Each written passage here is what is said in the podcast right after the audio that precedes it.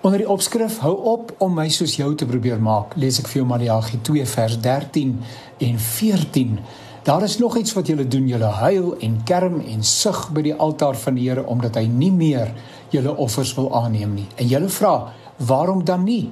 Dit is omdat die Here weet wat gebeur het tussen jou en die vrou met wie jy van jou jeug af getroud is. Ek kan gerus die gedeelte verder gaan lees. Dit is Maleagi 2 vanaf die 13de vers. Hou op om my soos jou te probeer maak. Mense trou in die dominee sê en julle sal een wees. En die res van die getroude lewe word dan 'n stryd om te besluit watter een. En dit gee aanleiding tot 'n toutrekkery van 'n ander aard. Die stryd is onverkooklik en word soms skaamteloos voor ander mense gevoer. Kinders skarrel om van die konflik af weg te kom en word selfs gedwing om kant te kies.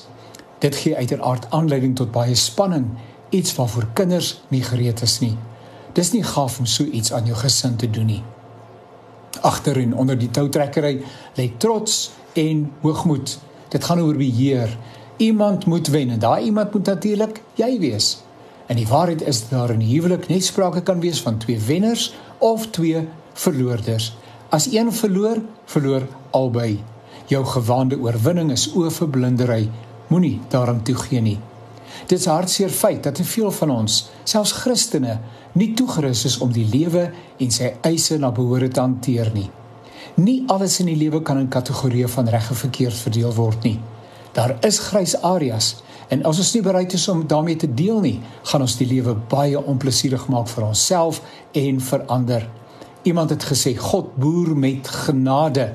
Niks binner word van sy kinders verwag nie veral in die huwelik. Genade en lankmoedigheid, verdraagsaamheid en vergifnis is bedmaats. Jy kan die een nie noem sonder om die ander te sprake te laat kom nie. Konflikhantering is 'n kuns wat min mense bemeester. Boeliegedrag hoort nie in 'n volwasse Christelike verhouding nie. Het ons dan die troubeloftes wat ons afgelê het so gou vergeet?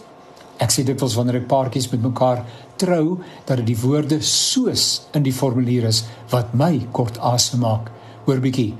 As man moet jy jou vrou so lief hê soos Christus die gemeente liefgehad het. As vrou moet jy weet dat dit God is wat jou aan jou man verbind, net soos die gemeente aan Christus verbind is en die res uh die volg natuurlik daarop jy kan gerus die huweliksformulier bietjie gaan soek op die internet. Dis inderdaad 'n hoë roeping en nie iets wat 'n mens in jou eie krag kan vermag nie. Nee, die Heilige Gees moet ons toerus om so te lewe. Die Bybel sê ook verdra en vergewe mekaar as een iets teen die ander het. Kolossense 3 vers 13. Kan ons nie maar die dinge van 'n kind agter ons plaas en die karakter van Jesus al hoe meer in ons lewens openbaar nie? Hy wil ons daarmee help.